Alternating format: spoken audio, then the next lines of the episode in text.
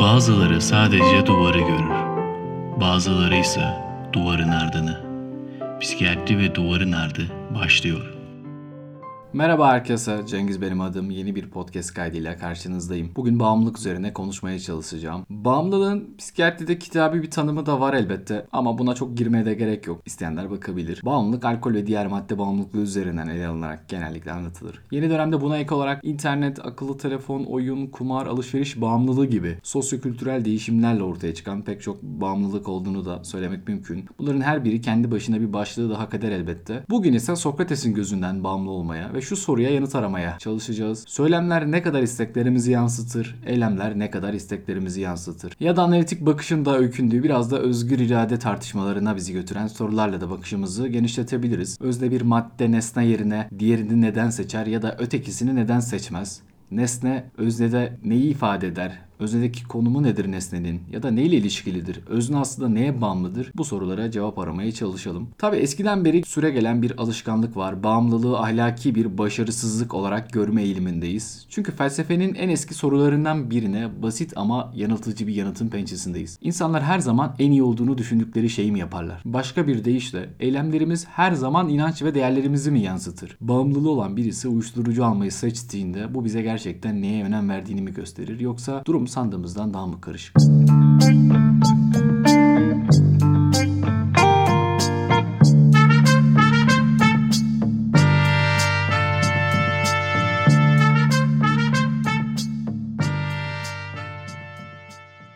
Bu sorular tabii ki kulağa akademik de gelebilir ama bir yandan da hayatla da ilgili pek çok belirsiz yeri görebilmemiz için de işe yarayabilir. Öte yandan bağımlılığa karşı devam eden damgalamanın bu sürekliliği, zihinle ilgili bu çarpık felsefi görüşlere de borçlu olabilir. Bu yanlış bir kanı olabilir, bu ahlaki defekler özellikle. Ancak bir o kadar da baştan çıkarıcıdır ki tarih boyunca pek çok insan duruma bu şekilde bakmaktan kendini alıkoyamamıştır. Yine ülkemizden örnekler verirsek pek çok madde bağımlısının tarikatlere sığınması, din adamlarının bu konuda fazla girişken olması bunun ülkemizdeki çok sıradan yansımaları özellikle amaten polikliniklerinde, alkol madde polikliniklerinde çok sık gördüğümüz manzaralardır. Peki gelelim asıl sorularımızdan bir tanesine ve bunu bir başka podcast'te de ayrıca başka bir pencereden tartışacağım.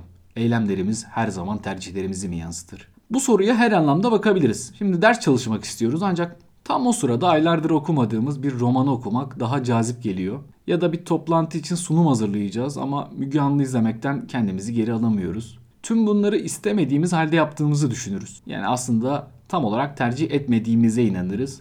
Birisi sorsa hatta Müge Anlı mı izliyorsun ya da Müge Anlı izler misin diye sorsa ne alakası var? Yani Müge Anlı'yla ne işim olacak benim? Niye Müge Anlı izleyeyim? Ama bir yandan da Müge Anlı izlediğini kendisi bilir, görür ya da siz beraber de izlemişsinizdir hatta. O zaman şuna mı dönüp bakacağız? Yani söylemlerin gerçeği yansıtmadığı ya da ifade edilenin tam olarak durumu karşılamadığı gerçeğine mi dönüp bakacağız? Ve hepsinin ötesinde dilin bir imge olduğunu zaten hepimiz az çok tahmin ederiz. Peki eylemler de mi böyle? Eylemler de mi söylemlerden farksız? Sokrates der ki, bilirsin ki birçok kimseler bizim gibi düşünmezler. Onlar iyi olanı bildikleri, onu yapmak da ellerinde olduğu halde tersini yaptıklarını iddia ederler. Bunlara neden böyle davrandıklarını kaç kere sordumsa hep ya hazza ya acıya kapıldıklarını söylemişlerdir. Şimdi Sokrates'le ilgili şunları düşünüyor olabilirsiniz. Sokrates hiç sınırsız cips yiyebileceği bir kafeye gitmedi. Hiç sınırsız kola, pizza yiyebileceği bir açık büfede bulunmadı. Ama bunun yine de bir anlamı var. Bir kişinin gerçek önceliklerinin ne olduğunu anlamak için genellikle yaptıkları seçimlere bakarız. Çünkü eylemler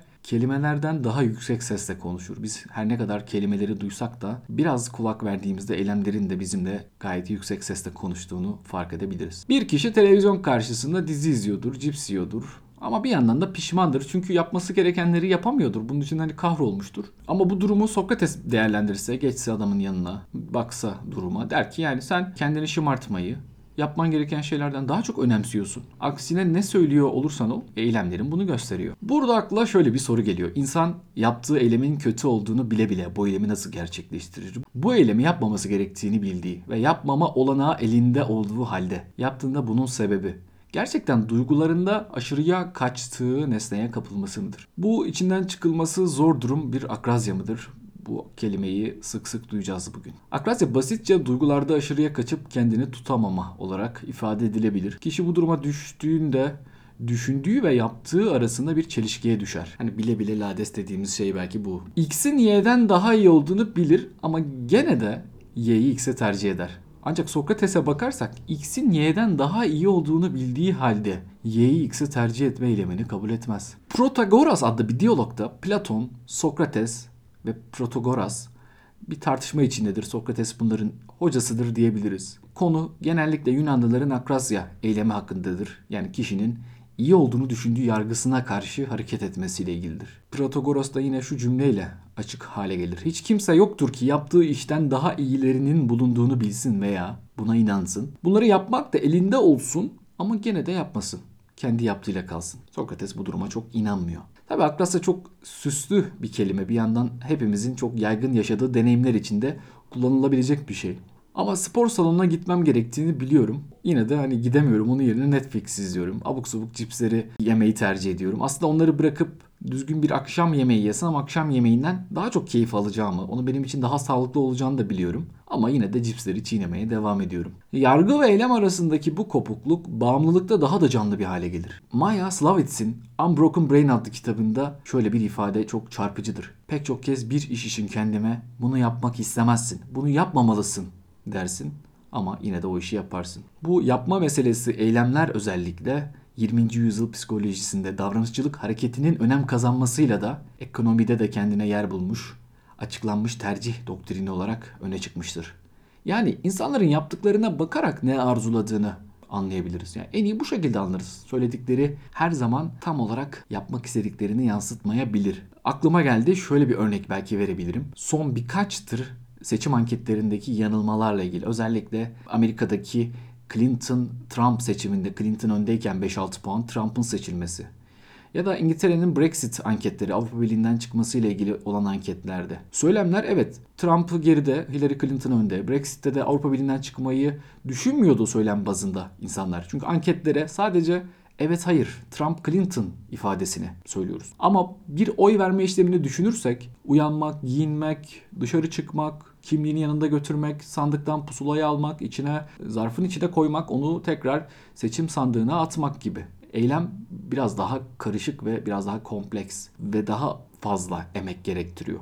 Söylem ise çok daha kolay. Örneğin bazı insanlar yurt dışından gelip oylarını verip tekrar geri dönüyorlar. Binlerce lira harcıyorlar bir oy işlemi için. Ancak söylemi bir partiyi destekleyen ve belki evine 100-200 metre mesafede olan bir okula uykusunu bölüp gidemeyen insanlar da var. Sorsan söylemi odur ama eylem her zaman başka türlü de gerçekleşebilir. Ben artık bu anketlerin, seçim anketlerindeki yanılmayı da bu söylem ve eylem arasındaki farktan kaynaklanabileceğini düşünüyorum. Yani aslında Akrasya deneyimi çok da yaygın. Yani siyasette, ekonomide, bağımlılıklarda pek çok yerde var. Tabi Sokrates için bu çok da bir anlam ifade etmiyor. Sözel olarak yani verbal olarak egzersiz yapmaya, televizyon izlemekten daha fazla değer verebiliyorum. Ancak kimsenin de bana baskı yapmadığını varsayarsak şu davranış ortaya çıkıyor aslında. Ben Black Mirror izlemeye daha çok önem veriyorum. Yani Sokrates'in dediği gibi yaptığından daha iyi bir alternatif olduğunu bilen ve bunun mümkün olduğunu bilen bir insan. Veya buna inanan hiç kimse daha iyi olanı yapabilecekken yaptığı şeye devam edemez. Sokrates böyle düşünüyor. Tabi onun bu bakışını eleştiren ya da araştıran insanlar da var. Brickhouse ve Smith burada şu durumu bir sorun olarak görüyorlar. Sokrates kimsenin doğru bildiğinin aksine davranmayacağını söylerken zaman olarak hangi anı kastediyor? O anı mı yoksa herhangi bir zaman için mi bunu düşünüyor? Onlar Sokrates'in bu ifadesinin genel zamanı kastettiğini ifade ediyorlar. Örneğin bir kişi X'in kötü olduğunu o an biliyorsa X'i gerçekleştirmez. Yok eğer X'in kötü olduğunu bilmiyorsa ve X'in kötü olduğu bilgisi başka bir zamanda X'in iyi olduğu kanısıyla yer değiştirmişse kişi bu durumda bilmeden iyi sanarak X'i gerçekleştirmiş olabilir. Sonuç olarak Sokrates'in akrazya tanımının genel bir zamanı kastetmiş olma ihtimali yüksek. Yine tabi Sokrates'in bahsettiği bu akrazya kavramını bilgiye dayalı ya da sanıya dayalı olarak da ikiye ayıran insanlar var. Sokrates'in akrazyayı red etse de en azından hani sanıya bağlı olarak bir akrazyayı kabul edebileceğini düşünüyorlar. Sokrates'e göre doğru bildiğimizi düşündüğümüz bir şeyin tersini yapmamız mümkün değildir. Yapılan yanlışların tek nedeni yanlış bildiğimiz şeyleri doğru sanmamızdan ileri gelir. O Akrasya'yı sadece sanıyla ilgili olarak kabul ediyor. Yani bilgi dayanağı olmayan bu sanılar, bu sanmalar görünüşleriyle bizi aldatır. Bilgisiz sanılara sahip olmak görünüşlerin himayesinde yaşamamıza sebep olur. Sanılara sahip olurken zihnimizin bir köşesinde de sanının kesin bir bilgi olmadığını farkında olup temkinli yaklaşmak doğru davranmamızı sağlamak açısından önemlidir.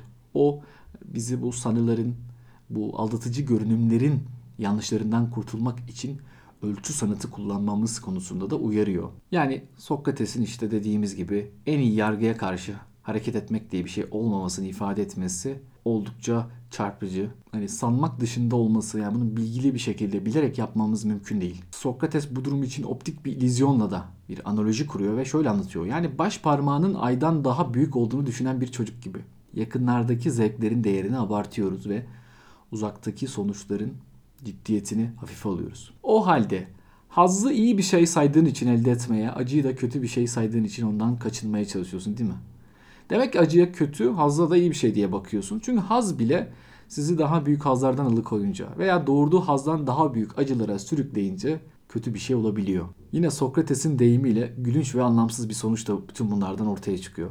İyi, kötülüğün kötü olduğunu ve yapılmaması gerektiğini biliyor ama yine de yapıyor. Çünkü kendini iyiye kaptırmıştı. Sokrates bu hazlara kapılma, hazlar tarafından ele geçirilme eylemini reddediyor.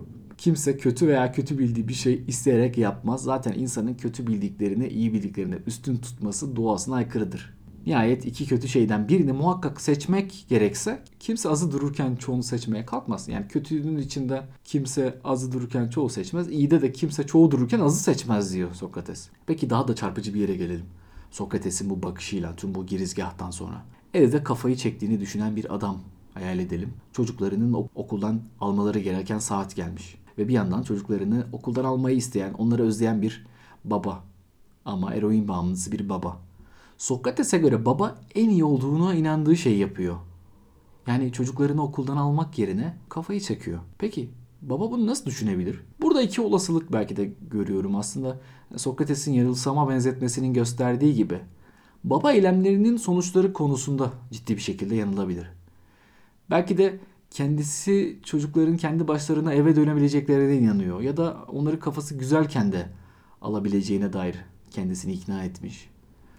Ancak eğer baba davranışının bu zararlı etkilerini defalarca görmüşse, uzun süreli bağımlılarda olduğu gibi bu yanılsamayla nasıl bir suç ortağı olmadığını anlamak zorlaşır.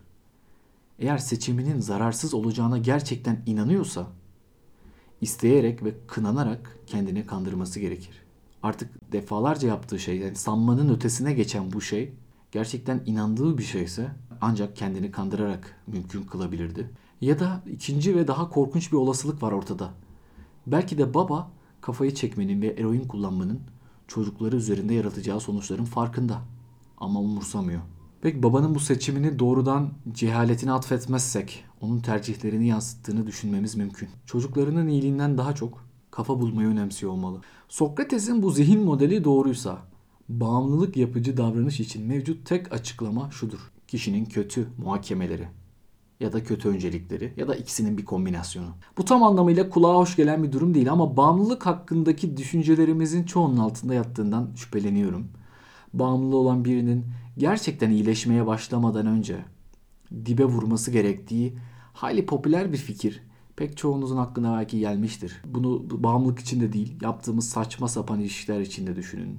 Saçma sapan ilişkiler için de düşünün. Dibi görmek, dibe vurmak o durumdan kurtulmak için en uygun zamandır diye düşünüyoruz. Tabi Sokratik görüşe göre bu mantıklı. Bağımlılık kafayı bulmanın kötü sonuçlarını tahlil edememekten kaynaklanıyorsa kişinin iyileşmesi için en iyi yol sonuçların gerçekte ne kadar kötü olabileceğini ilk elden deneyimlemesidir. Gerçekliğin bu en sert ve en yüksek dozunu doğrudan alması bağımlı kişinin kendini kandıran inançlarının ve o yanılsamalara, o bakışı, o miyopluğunun belki de tek tedavisi. Hani bağımlı kişilerin ölüm haberlerinde sık sık duyduğumuz bir şey vardır. Altın vuruş. Olumsuz bir durumu bir yandan tabii olumlu kelimelerle kötü bir benzetme belki ama belki de kişinin bu dibe vurup sonuçları görüp sonuçlardan bir anlam çıkarmasına altın biliş de demek mümkün. Hani bunu da ben şimdi uydurdum. Altın vuruşu, altın biliş metaforuyla bir benzerlik kurdum. Yine Sokrates'in gözünden bu konudaki hukuksal düzenlemelere de bakabiliriz. Uyuşturucu bulundurmayı onlarca yıl hapiste cezalandırmak örneğin. Sokrates'e göre mantıklı bir ceza. Çünkü bu insanları uzun süre hapishanelerde tutunca bağımlı insanlar nihayet ayık olmanın daha iyi olduğunu anlayacaklar. Ama zalimce evet yani belki bulundurmak çok da kullanmadığı bir şeydi. Pişmandı ama zalimce de olsa dediğim gibi bu kusurlu yargıları ve öncelikleri düzeltme adına Sokratik görüşte mantıklı. Sokrates'in görüşü şuralarda daha da dramatik bir hale alıyor. Özellikle ilaç destekli tedavilerde ya da iğne değişim programlarında. Hatta buna dair bazı insanların böyle bir isteksizliği vardır. Çok da akıllarına yatmaz. Belki de Sokratik bakışla baktıkları için. Çünkü bu yöntemler bağımlılığın neden olduğu o zararı geçici olarak hafifletirler. Ancak Sokrates'in dediği gibi altta yatan soruna tam dokunmaz.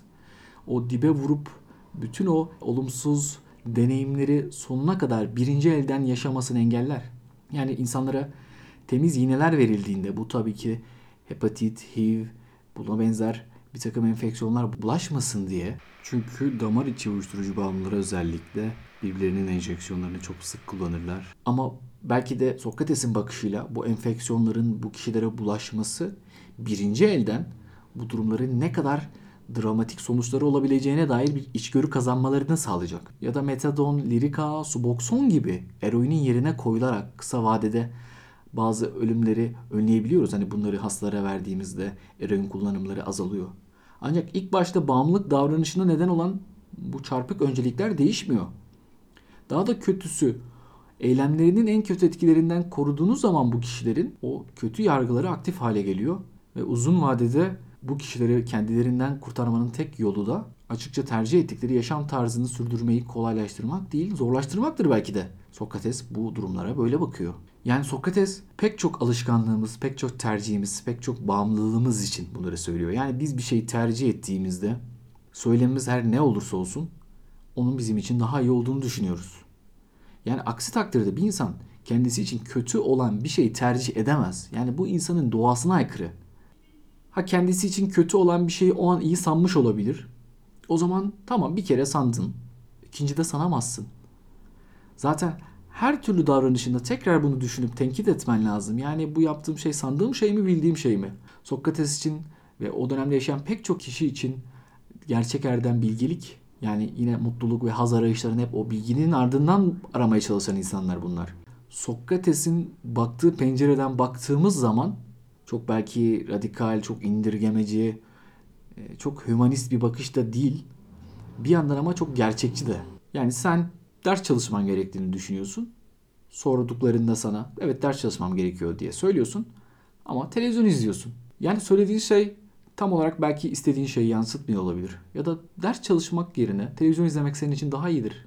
Hayır tabii ki de daha iyi değil diye olabiliriz. Ama bu belki de kendi kişisel görüşümüz değil. Yani toplumun bize söylettiği şeyler.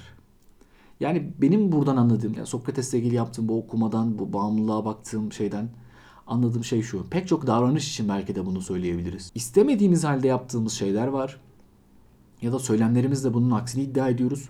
Ama durum söylemden ibaret olduğu zaman bu söylemler sanki bizim değil de toplumun söylemleri. Yani olması gerekenin dile getirilmesi.